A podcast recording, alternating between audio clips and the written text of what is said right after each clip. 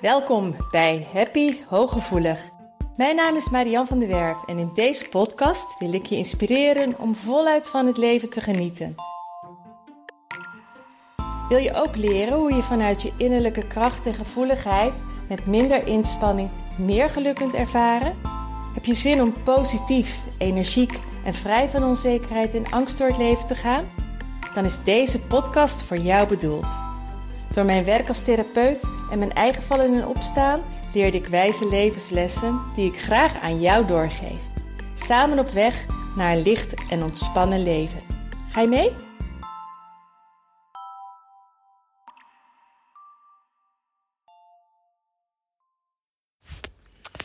Hoi hoi, welkom bij een nieuwe podcast. Ik hoop dat de trekkers en de auto's een beetje wegblijven. Meestal maak ik s'avonds laat een podcast en nu had ik zin om er eentje te gaan maken. Dus ik begin gewoon met praten en dan hoop ik dat het even zo rustig blijft dat jullie ongestoord naar mij kunnen luisteren. Ehm, deze podcast gaat over verbinding met jezelf, verbinding met de ander, afstemming, um, bij jezelf zijn, maar ook bij de ander kunnen zijn. Als jij heel piepklein bent, dan hou je je nog niet bezig met het feit dat je een wereld om je heen hebt. Of dat uh, je rekening met iemand moet houden. Je huilt als je honger hebt of als je pijn hebt. Je lacht automatisch op een moment, op een gegeven moment als iemand teruglacht. Maar dan begint ook het afstemmen al te beginnen. Die afstemming is ontzettend belangrijk. Die afstemming die helpt jou om aansluiting te vinden, om verbinding te creëren, om erbij te horen. Maar de bedoeling is ook dat je verzorgers, je ouders zich afstemmen op jouw behoeften, wat jij nodig hebt. Uh, in het begin, als je nog heel erg klein bent, dan voel je je nog niet als een afgescheiden individu. Dan is die autonomie, die is er nog niet. Dan heb je het gevoel dat jij één bent met de hele wereld. Vooral die symbiotische um, relatie met de moeder is er in het begin heel erg, in het eerste jaar. Zeer zeker. Als je wat ouder wordt, dan keert dat om. Dan ga je doorkrijgen um, dat je een individu bent. Dan komt die autonomie. in de peutertijd, rond twee, drie jaar, en dan denk je dus ook dat de hele wereld afgestemd is op jou. Dat de hele wereld verbonden is met jou. Dat de hele wereld hetzelfde is dan jij. En je bent nog niet in staat om je in de ander te verplaatsen. Dat is ook dat je kinderen een, een, een, een diertje zomaar ziet pakken. Ze kunnen nog niet zich voorstellen dat dat diertje het niet fijn vindt om zo vastgepakt te worden. Of um, dat ze een vis ergens neerleggen die vervolgens doodgaat en ze niet kunnen begrijpen waarom die vis is doodgegaan. Omdat ze nog niet in staat zijn om te voelen wat een vis nodig heeft. Op het moment dat de ouders op jou afgestemd zijn, of je verzorgers, en ze kunnen rekening met jou houden en ze komen tegemoet in jouw behoeften, dan leer je hoe dat werkt. Dat, dat als je iets heel graag wilt, of als je een behoefte hebt, dat mensen in staat zijn om daar gehoor aan te geven. En als je ouders je daarin begeleiden, dan om, om ook die autonomie en die verbondenheid terug te creëren, dan leer je op een hele natuurlijke manier afstemmen. Op een gezonde manier leer je afstemmen als er ook ruimte is voor jouw identiteit en voor jouw innerlijke zelf. Als jij mag zijn wie je bent, dan voelt het veilig, dan voelt het vertrouwd en dan leer jij op een gezonde manier om ook bij de ander te zijn, om je te verbinden met een ander vanuit dat zijn stuk. En daar word je niet op afgekeurd, dat, dat, dat krijgt ook ruimte. Er zijn twee kopingsmechanismen die je ontwikkelt op het moment dat er niet gehoor gegeven wordt aan jouw behoeften. Als er niet een goede afstemming vanuit jouw ouders, verzorgers vinden naar jou toe. De eerste is dat je je terug gaat trekken. Dat je in een soort bubbel gaat leven, omdat um, je niet geleerd hebt hoe je moet afstemmen. Dus je hebt eigenlijk niet geleerd om je te verplaatsen in de ander, om dat het veilig is om die verbinding aan te gaan met een ander. Omdat er bijvoorbeeld heel erg afwijzend op jou werd gereageerd. Of omdat er heel straffend op je werd gereageerd. Of heel autoritair op je werd gereageerd. Dan kan het zijn gebeurd dat je je bent gaan terugtrekken. Dat je niet hebt geleerd om op een gezonde manier die relatie aan te gaan vanuit je zijn. Het kan ook zijn dat je juist heel erg in die aanpassing bent gaan zitten. Dus dat je dat zijn stuk helemaal los hebt gelaten, dat je daarvan afgescheiden bent geraakt en dat je je helemaal bent gaan voegen naar wat de ander nodig heeft. Dat betekent dat je niet meer afgestemd bent bij jezelf, wat heb ik nodig en vanuit welke zijnshoedanigheid kan ik een ander iets bieden, maar je bent volledig bij de ander geraakt. En ik, schat, ik sluit niet uit dat je die dus juist heel erg kent. Omdat je op die manier geleerd hebt om die verbinding met de ander aan te gaan. Maar ook hebt geleerd dat jou, de afstemming met jou er niet zo toe doet omdat je die niet ervaren hebt, omdat je die niet gevoeld hebt toen je heel erg klein was. Dus is er in wezen een eenzijdige afstemming ontstaan. Jij bent continu bezig om af te checken, te checken, te onderzoeken, je af te vragen wat de ander nodig heeft, wat de ander van jou verwacht, wat de ander um, zal zeggen over jou, van jou. Misschien herken je dat ook wel, dat je het gevoel hebt dat je steeds denkt: wat zal de ander wel niet van mij denken? Of wat zal de ander wel niet vinden van mij? Omdat jij dat zo erg doet, heb je het idee dat de ander dat ook bij jou doet. Maar dat is helemaal niet zo. Heel veel mensen zijn helemaal niet met jou bezig, die zijn met zichzelf bezig. Maar dat zijn twee ongezonde kopingsmechanismen.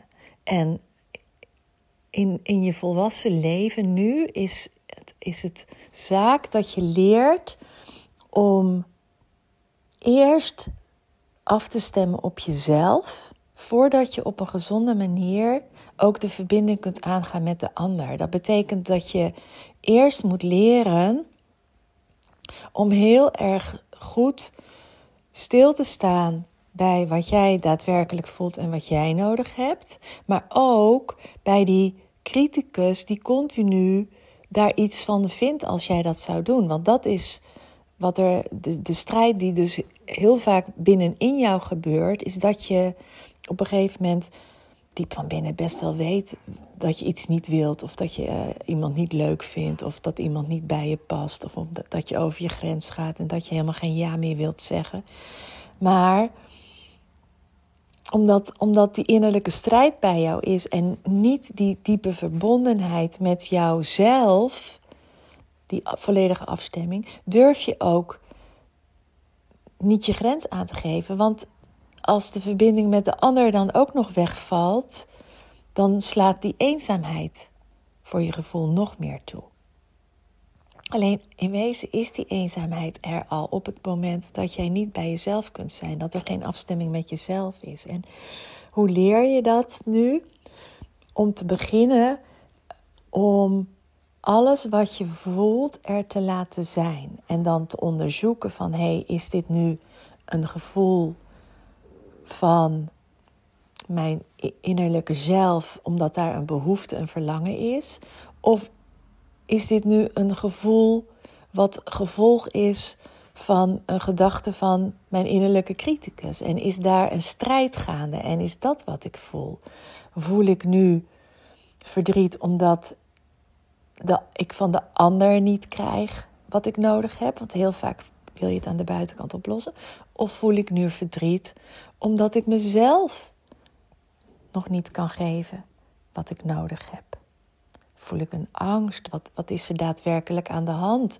Dus om te gaan onderzoeken wat er gebeurt in de relatie met de ander. Want heel vaak is het zo dat je heel hard je best doet om een ander te overtuigen hoe leuk jij wel niet bent en hoe, hoe, hoe jij wel niet bij de persoon past.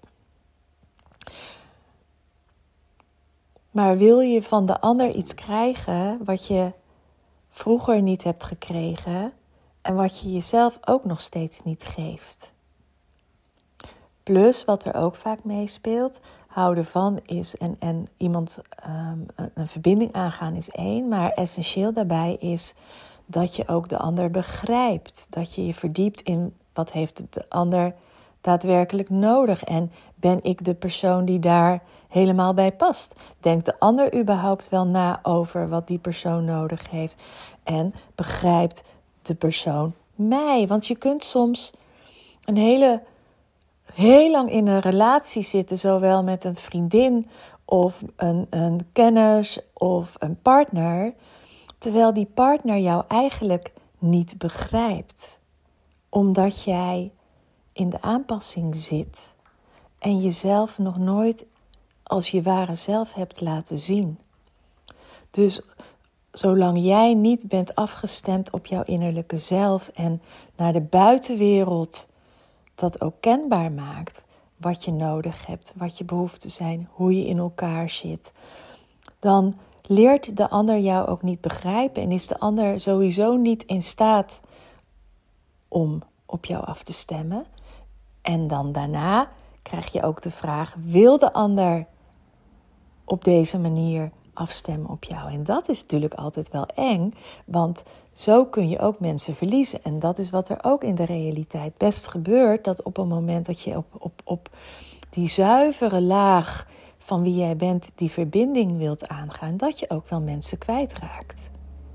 Maar je ontkomt er niet aan om eerst die verbinding met jezelf te herstellen, omdat je als jij blijft afstemmen vanuit een onnatuurlijke staat van zijn, blijf je ook aan de verkeerde knop draaien. Je moet het zoals die radiozender, blijf je ook het verkeerde ontvangen. Ga je ook nooit ontvangen vanuit een begrip wat je nodig hebt. En, en, en wat bij jou past, laat ik het, hè, wat je nodig hebt, heb je vooral zelf te doen, maar wat bij jou past. En het is dus heel mooi om te gaan onderzoeken van hé, hey, hoe stem ik mij nu af hoe, hoe ga ik een verbinding aan met de ander? Ga ik die verbinding aan vanuit mijn staat van zijn, mijn pure zelf, omdat ik die verbinding met mezelf voel en daarvoor ga staan? Of ben ik continu alleen maar bezig om de verbinding met de ander aan te gaan. Van zie mij eens hoe leuk ik ben, zie mij eens hoe leuk ik ben. Maar ontbreekt die innerlijke kracht bij jouzelf? Of durf je niet meer en zit je eigenlijk nog in die peuterbubbel, in, in van um, ik, ik durf me niet te laten zien, ik laat me niet zien, want het is het meest veilige om me terug te trekken. Want als ik naar buiten treed, dan word ik toch afgestraft of wat dan ook. En daar heb je dan echt een helingsproces wat nog zal moeten plaatsvinden, zodat je eerst die oude trauma's, die, dat oude verdriet um, gaat helen. Want in die bubbel ga je het ook niet vinden uiteindelijk. Want we zijn hier op aarde om, om ons met elkaar te verbinden.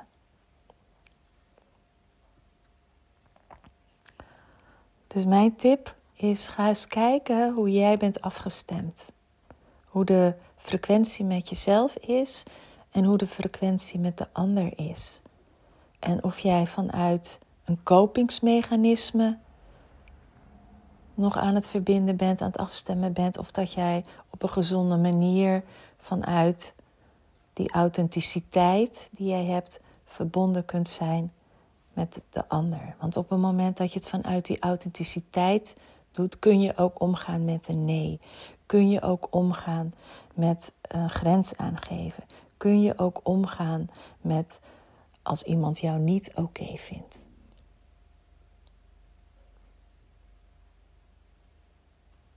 Yes, dat is hem.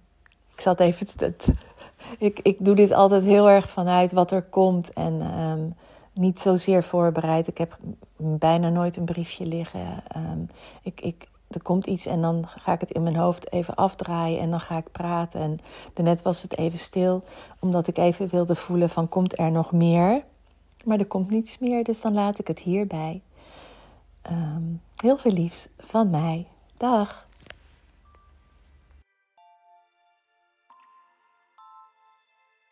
Dank dat je luisterde naar Happy Hooggevoelig. Heeft deze podcast je nieuwe inzichten gegeven? Je doet me een groot plezier met een recensie op Apple Podcast. Je kunt je natuurlijk ook abonneren op dit kanaal in jouw favoriete podcast-app. Want elke week staat er een nieuwe aflevering voor jou klaar. En wil je nu zelf aan de slag en meer lichtheid ervaren? En sta je open voor nieuwe inzichten en verandering? Neem dan vooral eens een kijkje op mijn website www.zienswijs.nl.